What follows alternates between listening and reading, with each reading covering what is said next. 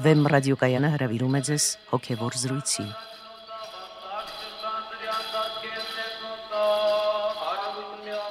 Սիրելի ունկնդիրներ, Վեմ ռադիոկայանի եթերում են արժանապատիվ Տեր Մեսրոպ Քահանա Արամյանը եւ Արա Սարգսակ Նալչաջյանը։ Այսօրվա մեր զրույցը տառապանքի մասին է։ Օրհնեցեք Տեր հայր։ Աստված օրհնի։ Ինչպես կարող ենք համոզվել մեր սեփական, մեր անձնական կյանքի ընթացքով, այդ օրինակով, ինչպես նաև անդրադառնալով նախկին դարերի պատմությանը, մարդկային կյանքը կարծես իրենից ներկայացնում է տարապանքի, փորձությունների, չարչարանքի, նեղությունների միծով։ Ինչու, ո՞րն է պատճառը, ինչու պետք է այդպես լիներ։ Միթե մարդը ծնվելով աշխարհ գալով պետք է անպատճառ տարապանք կրի։ Իսկապես մարդկային կյանքը լի է տարապանքով, բայց նաև շատ կարևոր է թե ինչպես է մարդը վերաբերվում այդ տարապանքին, որովհետև այդ տարապանքի մեջ կարող ես տեսնել եւ դրականը, եւ կարող ես տեսնել բացասականը։ Օրինակ եկեղեցու հայրերը խոսում են կամավոր չարչարանքների մասին, կամավոր աղքատության մասին բայց միևնույն ժամանակ նշում են, որ ակամա տարապանքը եւ ակամա չարչարանքը դրանք իսկապես սարսափելի բաներ են մարդու համար։ Ուրեմն տարապանքի հասկացողությունը, ընդհանրապես մարդկային կյանքի հասկացողությունը մեծապես կախված է մարդու վերաբերմունքից այդ ամենին բայց աստվածաբանական տեսանկյունից կարող ենք ասել, որ մարդը ստեղծված չի եղել այդպիսի կյանքի համար։ Դա ինչ որ առումով հետևանքն է մեղքի կարող ենք ասել, որ տարապանքը ի հայտ է եկել մեղքի արդյունքում։ Այսինքն դա ինչ որ առումով դատապարտություն է մարդու համար բայց մենք միշտ պետք է հիշենք, որ Աստծո դատապարտությունը իր մեջ չունի մարդուն մարդկային էությունը ոչնչացնող հատկություն ինչպես հայրը երբ որ պատժում է իր զավակին հայրական պատժի մեջ միշտ կա քաղցրություն միշտ կա խրատ եւ միշտ կա միտում իր զավակին դեպի ճշմարտությունը ուղղելու այնպես էլ աստվածային պատիժն է եւ Աստված այդ տարապանքը տալով մարդուն նաև մարդկային բնության մեջ դրանով իսկ դրել է մեղքի դեմ պայքարելու, մեղքի դեմ որոշակի պաշտպանական համակարգ, այսպես կոչված իմունիտետ ձեռք բերելու հնարավորություն։ Եվ պատահական չէ, որ եկեղեցու հայրերից ոմանք ասում են խմիր տարապանքների եւ վշտերի բաժակը ինչպես կենաց ջուր։ Եվ դա հատկապես անապատական ճգնավորական կյանքում դիտվել է որպես հոգևոր կյանքի գլխավոր արտահայտիչներից մեկը, այսինքն փախչել վշտերից, փախչել տարապանքներից ուղղակիորեն համարվել է փախչել Աստծուց, փախչել հոգևոր կյանքից առհասարակ։ Դերեր դուք խոսեցիք կամավոր տարապանքների մասին, որոնց մասին հիշատակում են եկեղեցու հայրերը։ Արդյոք ճիշտ է, որ մարդը ինքը իրեն կամավորապես նետի տարապանքների մեջ, չէ՞ որ կյանքը լի է տարապանքներով եւ մարդու վրա այսպես թե այնպես այդ տարապանքները, փորձությունները, նեղությունները գալիս են իր կյանքի ընթացքում։ Ուրեմն արժե արդյոք որ մենք ինքնակամ ձևով ավելացնենք մեր իսկ տարապանքները։ Դա շատ հետաքրքրական հարց է, ինչպես արդեն ասացի, տարապանքի հասկացողությունը, վշտի հասկացողությունը մեծապես կախված է մարդու դիրքորոշումից։ Օրինակ, եկեղեցու հայրերը խոսում են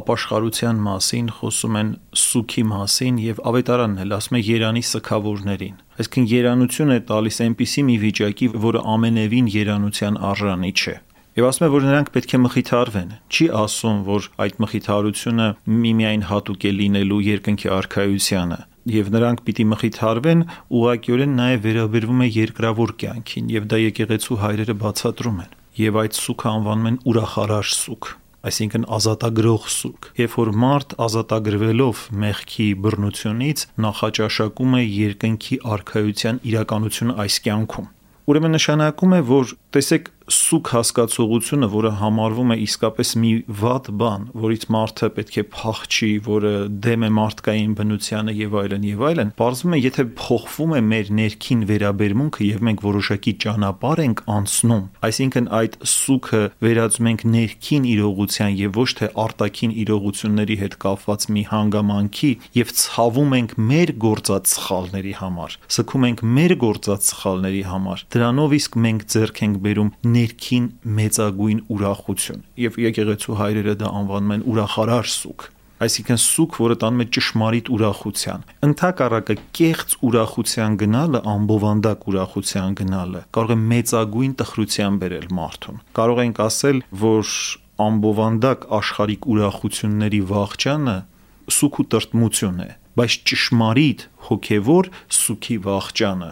այսինքն ապաշխարության վաղճանը ներքին ուրախությունն ու ազատագրումն է։ Եվ մի բան էլ պետք է նկատի ունենալ, որ ամեն տեսակ մեղք եւ չարիք արմատացած է մարդկային բնության մեջ եւ մարդը գտնվում է մեղքի իշխանության տակ։ Մեղքը ամեն տեսակ կապանքներով կապանքել է մեր հոգին, արմատակալվել է մեր հոգու մեջ։ Երբեմն այդ հիվանդությունները արմատախիլ անելը բավականին ցավոտ process-ներ են, այսինքն այդքան դյուրին չէ ազատվել մեղքի իշխանությունից։ Մեղքը ասում է դու իմն ես, չարը ասում է դու իմն ես եւ ետ է քաշում դեպի իրեն, այսինքն կա որոշակի պայքար եւ այդ պայքարը երբեմն լինում է ցավոտ ինչպես բժշկությունն է լինում ցավոտ, բայց արդյունքում հոգևոր առողջությունն է եւ հոգևոր վերականգնումն է։ Ուրեմն մենք պետք է հասկանանք, թե դեպի ուր ենք գնում։ Եվ մեղքից ազատագրումը, իսկապես ազատագրումը այդքան էլ դյուրին process չէ։ Կարելի է ամեն բան սվաղել, հիվանդությունը սվաղել, ամեն տեսակ ցավազրկող կամ ժամանակավոր հաբեր ընդունել, ինչը առաջարկում են ժամանակակից աղանդները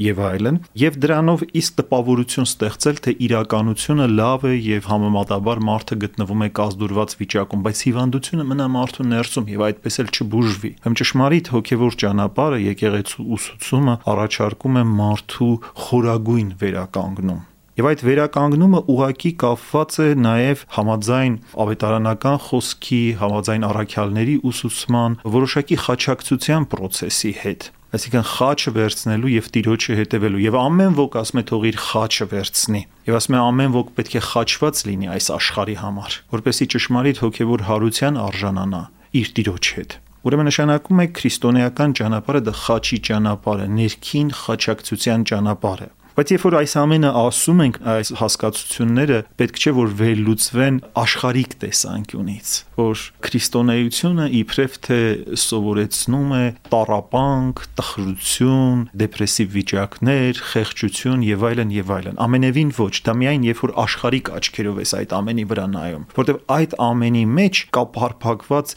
ներքին մեծ զորություն, դա է ազատագրման ճանապարհը, որտեվ եթե մենք անընդհատ մեզ ստրկացնենք հաճույքներին, վայ վայելքներին, հեշտություններին եւ այլն, մեր հոգին կդառնա բռնադատված այդ ամենի տակ։ Մենք երբեք չենք ճաշակի ճշմարիտ ազատության բերկրանք հաճույքներին չտրվել այո դեր հայր, սակայն մյուս կողմից միթե երբ մարդը տարապանք նեղություն է քաշում, օրինակ ասենք հիվանդություն ունի եւ ծանր ցավեր է քաշում, միթե իրավունք չկա, որ մարդը մեղմացնի իր այդ տարապանքը կամ միթե աղանդերն են նման գաղափար առաջարկում։ Ընդհանրապես եկեղեցին չի ասում, որ հիվանդությունները պետք չէ բժշկել եւ պետք է մարդը հիվանդությունների մեջ մեռնի։ Ամենևին ոչ։ Խնդիրը հենց նրանումն է, որ կան եւ հոգեվոր եւ մարմնավոր հիվանդություններ եւ կան դրանց բժշկման ճշմարիտ ճանապարհներ եւ ոչ թե դրանք նորից եմ ասում գոսկելու, քողարկելու կամ այսպես ասած կեղծ տպավորություն ստեղծելու, որ իբրև թե այդ հիվանդությունները բուժված են։ Բայց նույնիսկ բժշկական տեսանկյունից, եթե մենք մոտենալու լինենք,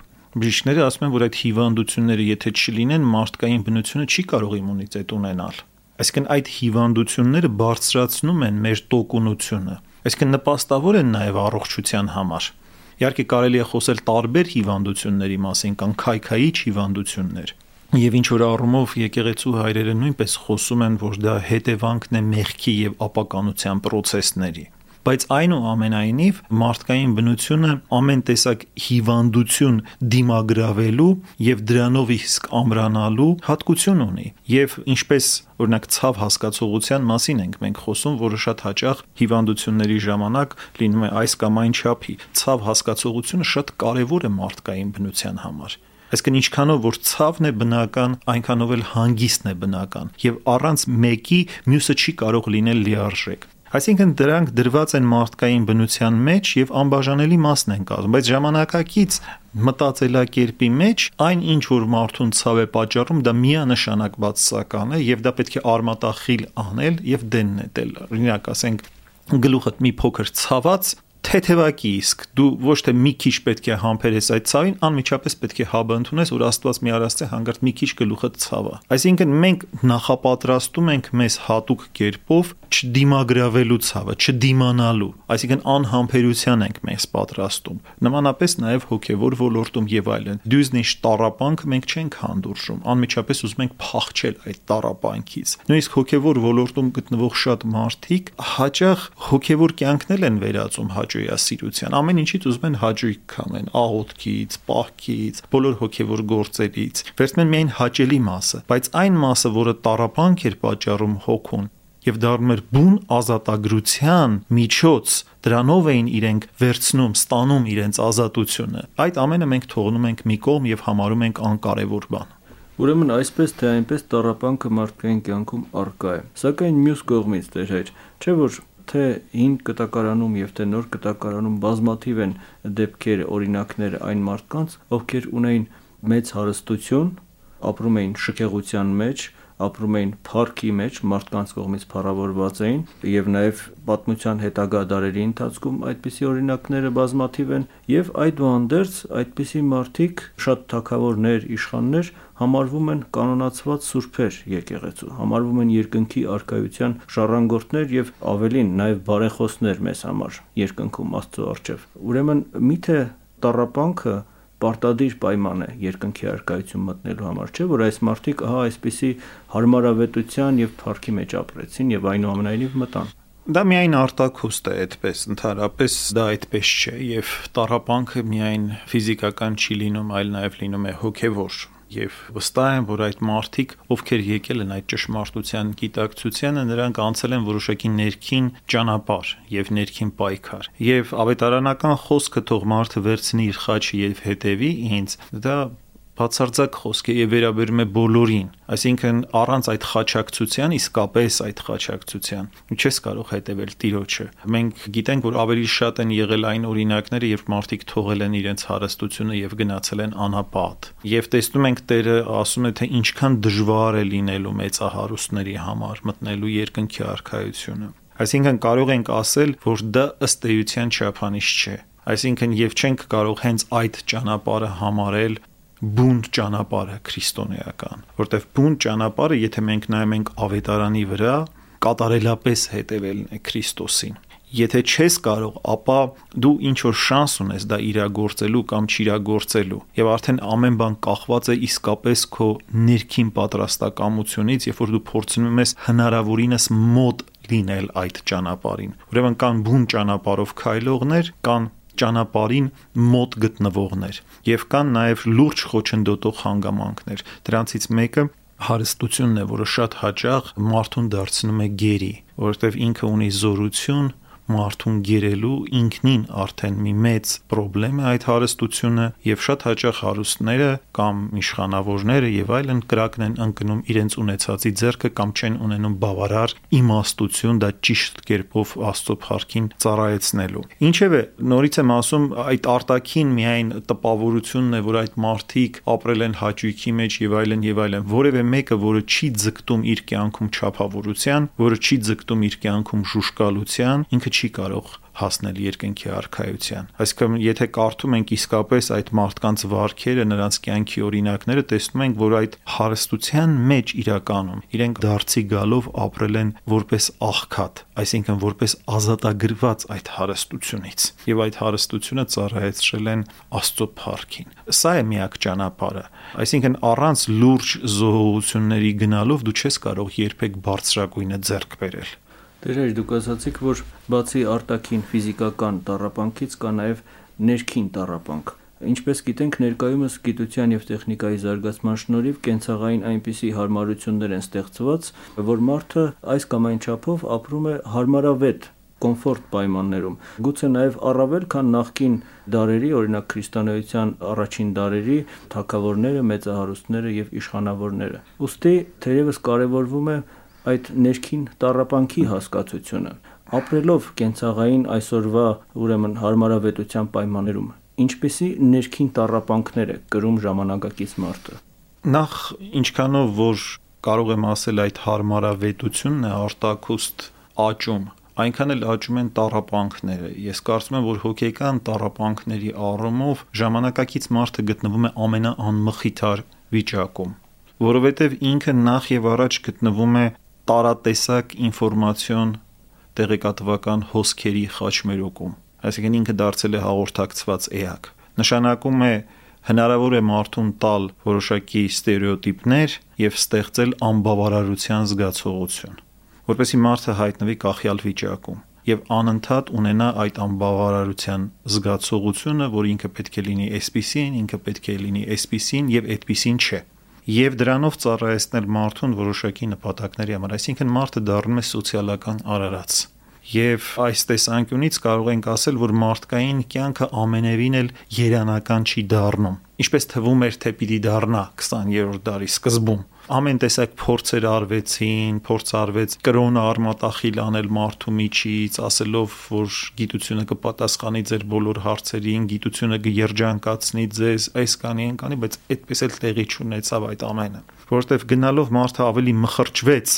աշխարհիկ իրողությունների մեջ ավելի ստրկացավ կենցաղին եւ հետո տեսավ որ իր հոգին վերջնականապես բռնադատված է 19-րդ դարի մարդը թեպետ ինքը արտակուս տարապանքներ էր կրում բայց հոգեկան տարապանքների տեսանկյունից ինքը շատ ավելի ազատագրված էր քան ժամանակակից մարդը սա միանշանակ է այսինքն դեպրեսիաների հոգեկան խանգարումների այսպիսի աննախադեպ աստիճան մարդկությունը երբեք չի ունեցել Եվ սա արդյունք է մի շարք ուրեմն փոփոխությունների, որ տեղի են ունեցել մարդկային հասարակության մեջ, մարդկային գիտակցության մեջ։ Էնպես որ մենք չենք կարող ժամանակակից մարդու վրա նայելով երանի տալ նրան եւ ասում ենք, որ հոգեվորը ել ավելի կարեւոր է հատկապես այսօրվա ժամանակաշրջանում։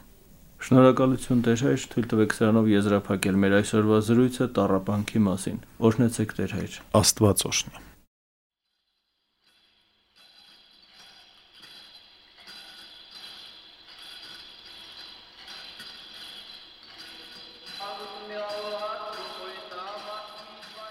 Հոգևոր զրույցներ հաղորդաշարի հերթական հաղորդումը վարեց Արաս Սարգսակ Նալչաջյանը։